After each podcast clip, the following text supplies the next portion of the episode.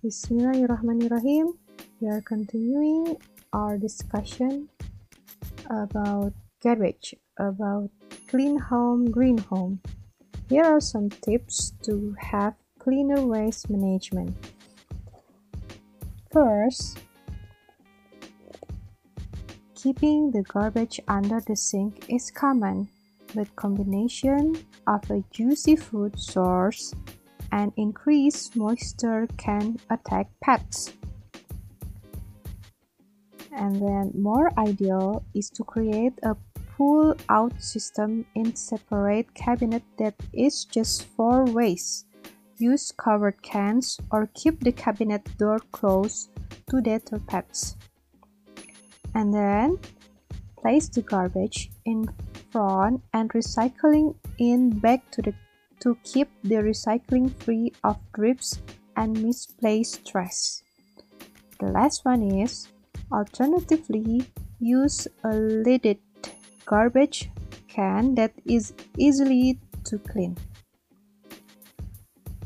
Keeping the garbage clean. Depending on your household, clean out your cans once every other week. Then empty the garbage and recycling as usual and then take the bins outside. Use a sponge, rag or, a, or brush to scrub them with soapy water. Spray with straight vinegar to, disinf- to disinfect and leave them to dry in the sun. If your bag slides down and create a mess, tie knots at the mouth of the bag to create a snugger fit.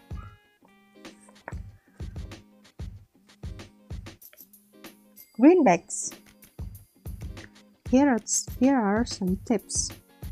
There are a variety of green garbage bags available.